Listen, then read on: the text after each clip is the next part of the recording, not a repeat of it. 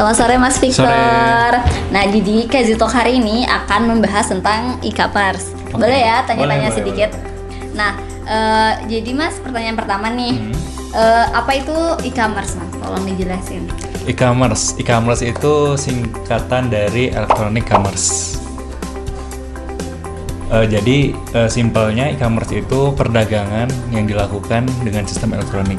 Bisa penjualan, pembelian, pertukaran informasi, atau eh, lain-lain melalui sistem elektronik. Sistem elektronik juga bermacam-macam, dimulai dari TV, radio, itu termasuk e-commerce juga. Yang kita tahu kan selama ini seolah-olah e-commerce itu hanya kayak Tokopedia, Bukalapak, internet lah gitu kan.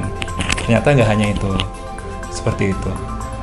Nah, kalau sejarah tentang e-commerce itu sebenarnya gimana sih Mas? Oh, kalau untuk histori e-commerce itu berawal dari tahun 1960. Eh, jadi di Amerika itu lagi berkembang yang namanya itu EDI, Electronic Data Interchange. Itu banyak digunakan, digunakan bisnis untuk sharing-sharing file, dokumen gitu kan. Awalnya dari situ dulu. Eh, terus pada tahun 79, 1979 American Standard Institute dia membuat aplikasi yang namanya ACX ASC X12. Nah, aplikasi ini yang biasa digunakan untuk sharing file gitu. Nah, pada tahun 80-90-an berkembang, terus berkembang, berkembang, hingga muncul raksasa e-commerce yang saat ini ya, Amazon dan eBay. Nah, dari situ muncul revolusi industri di bidang e-commerce. Jadi mu- mu- muncul berbagai bentuk-bentuk platform e-commerce seperti Alibaba yang sekarang menguasai Asia ya, termasuk di Indonesia juga Alibaba sangat kuat dan lain-lain. Nah, kalau jenis-jenis e-commerce itu ada apa aja sih Mas?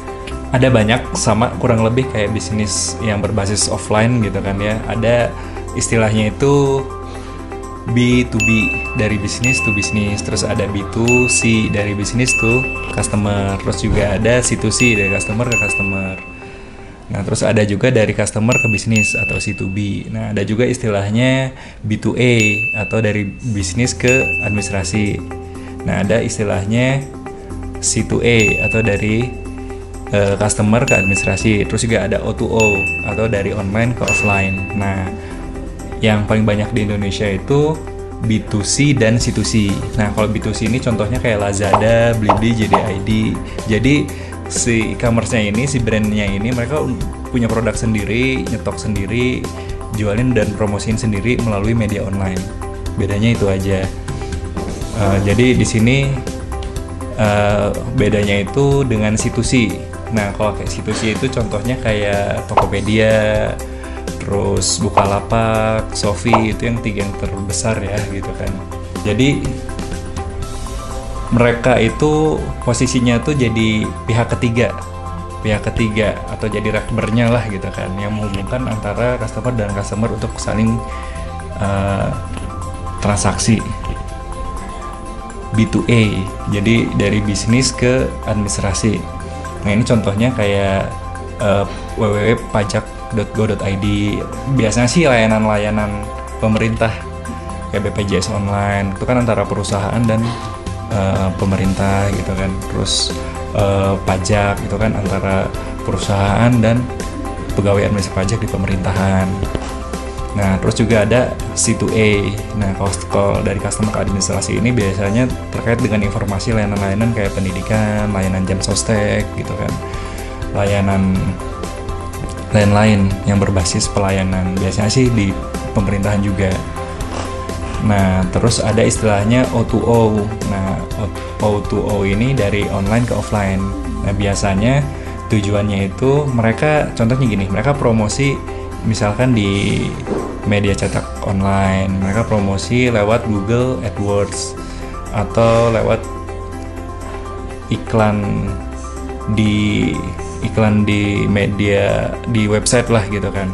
Tapi tujuannya bukan untuk transaksi di sana. Transaksinya tetap offline. Jadi promosinya online. Nah, si calon customer ini ditarik agar mereka bis agar mereka bisa mendatangi tokonya masing-masing. Kayak gitu. Nah, kalau misalnya di Indonesia tuh Mas, eh, e-commerce itu ada apa aja sih jasa-jasanya? Terus kayak mulai dari urutan yang terbaik itu e-commerce-nya itu apa Hmm, kalau contohnya untuk marketplace, marketplace itu jadi kayak Bukalapak, Tokopedia dan lain. Kalau untuk B2C-nya itu nomor satu itu kalau dia dari segi, segi berapa banyak orang yang mengunjungi website dan berapa banyak yang mengunjungi sosial media mereka, macam-macam sih. Dan berapa banyak eh, berapa banyak yang punya pengaruh besar di App Store kayak di Play Store atau di Apple Store gitu kan. Nah, kalau untuk B2C, B2C ini banyak ya eh, yang terkenal itu Lazada, Blibli, JDID, terus ada Orami, Skolalia, Zalora, Beneka, Alevania dan lain-lain. Nah, yang terbaik pertama itu yang paling banyak dikunjungi websitenya itu Lazada. Karena Lazada memang salah satu pecetus pertamanya di Indonesia dan termasuk dalam eh, Alibaba Group gitu kan investornya. Nah, tapi untuk di ranking Play Store-nya sendiri atau di App Store-nya sendiri dia ranking 3 dan ranking 4. Dan tapi kalau misalkan dari segi expose-nya di media sosial kayak di Twitter, Instagram, Facebook dia nomor satu. Karena wajar memang yang uh, awal-awal berdiri. Terus yang kedua itu yang pengunjungnya tuh berdasarkan data dari idprice.co.id Uh, nah di sini mungkin kita bisa akses bareng-bareng. Jadi idprice.co.id ini biasanya tiap kuartal, tiap kuartal itu berarti tiap uh, tiga bulan sekali ya, tiga bulan sekali mengeluarkan data terkait dengan urutan e-commerce di Indonesia. Nah, Lazada ini berdasarkan dari website ini dia setiap bulannya kurang lebih ada 52 juta orang yang mengakses. Nah, yang kedua itu ada Blibli, dia ada 32 juta yang mengakses, terus JDID karena JDID masih baru sih, dia ada 10 juta yang mengakses, terus diikuti oleh Orami, Sekolah Sosia, Sosiola, Zalora, dan Bineka. Siap. Kalau yang untuk situsinya, customer to customer, ada tiga yang terbesar di Indonesia. Ada Tokopedia, ada Bukalapak, dan ada Sofi. Nah, paling gede itu Tokopedia. Ya. Karena Tokopedia ini juga udah dapat suntikan dan yang besar nih dari dari baik dari dalam negeri maupun dari luar negeri gitu kan. Dan dia memang fokus ke penjualan penjualan e-commerce situsi. Nah, dia setiap bulannya itu kurang lebih ada 137 juta yang mengakses. Di kuartal 1 2019 rata-rata 100 137 juta. Nah, terus kalau yang kedua diikuti oleh pasnya di sini udah pada tahu ya, setelah Tokopedia biasanya Bukalapak. Apa? Nah, Bukalapak ini ada sekitar 115 juta orang yang mengakses setiap bulannya. Terus yang ketiga yang baru dari Singapura kita ada Shopee. Nah, Shopee ini kurang lebih ada 74 juta. 74 juta orang yang mengaksesnya. Tapi ini termasuk prestasi banget Shopee ini. Kenapa? Karena eh, dia pemain baru, pemain baru. Memang asalnya dari Singapura udah gede, cuma di Indonesia dia pemain baru. Nah ditambah lagi di rankingnya di App Store dia nomor satu nomor satu dan di Play Store dia juga nomor satu di Instagram followernya juga paling banyak kalau Tokopedia yang ranking pertama itu cuma sejuta sedangkan si Shopee ini mencapai 2 juta orang. Nah untuk Facebooknya juga banyak banget sampai 14 juta orang. Dan kalau dilihat dari jumlah tenaga kerjanya atau jumlah bukan tenaga kerja ya pengguna lah gitu ya. Tenaga kerja benar ada di sekitar 2.700 orang itu paling banyak di antara semuanya. Kalau yang lain masih ada masih sekitar 2.500 dan 2.600 untuk Bukalapak dan Tokopedia. Misalkan kita lihat secara keseluruhan. Nah nomor satu itu Tokopedia nomor dua Bukalapak nomor tiga Shopee nomor 4 Lazada nomor 5 Blibli nomor 6 JDID Nah, kalau misalnya untuk perkembangan e-commerce di Indonesia itu kayak gimana sih, Mas? Kalau untuk perkembangan e-commerce di Indonesia termasuk yang sangat pesat. Karena memang menurut data di sosial WR sosial gitu. Indonesia salah satu negara dengan pengguna sosmed dan media online terbanyak di dunia. Dari 200, sekitar 250 juta penduduk Indonesia, sekitar 50 persennya itu mengakses internet dan sosial media. Jadi tentunya eh, pertumbuhan e-commerce juga sangat cepat.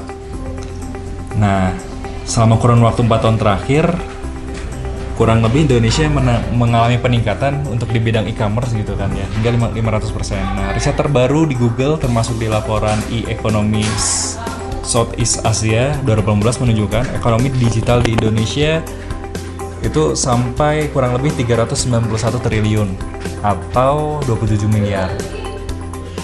Nah, angka tersebut membuat ekonomi digital Indonesia di peringkat pertama di kawasan Asia Tenggara dengan kontribusi sekitar 49%. Nah, ini tentunya besar banget 49% ini.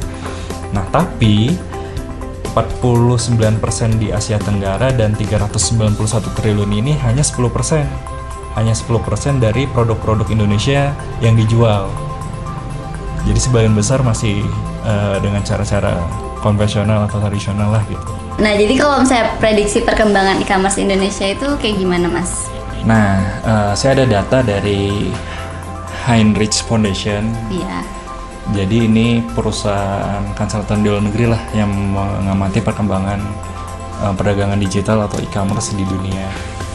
Eh, terus juga mereka sinergi juga dengan apa beta konsultan gitu kan untuk di bidang strategi dan ekonominya. Jadi mereka ini pernah memaparkan data atau penelitian ke Persatuan E-commerce Indonesia. Eh, nah saat ini itu pada tahun 2018 ya gitu kan kurang lebih nilai perdagangan digital di Indonesia itu 125 triliun. Nah diperkirakan pada tahun 2030 itu bisa mencapai 2.305 triliun rupiah. Lagi perekonomian dome- domestik Indonesia jadi kontribusi bagi ekonomi Indonesia.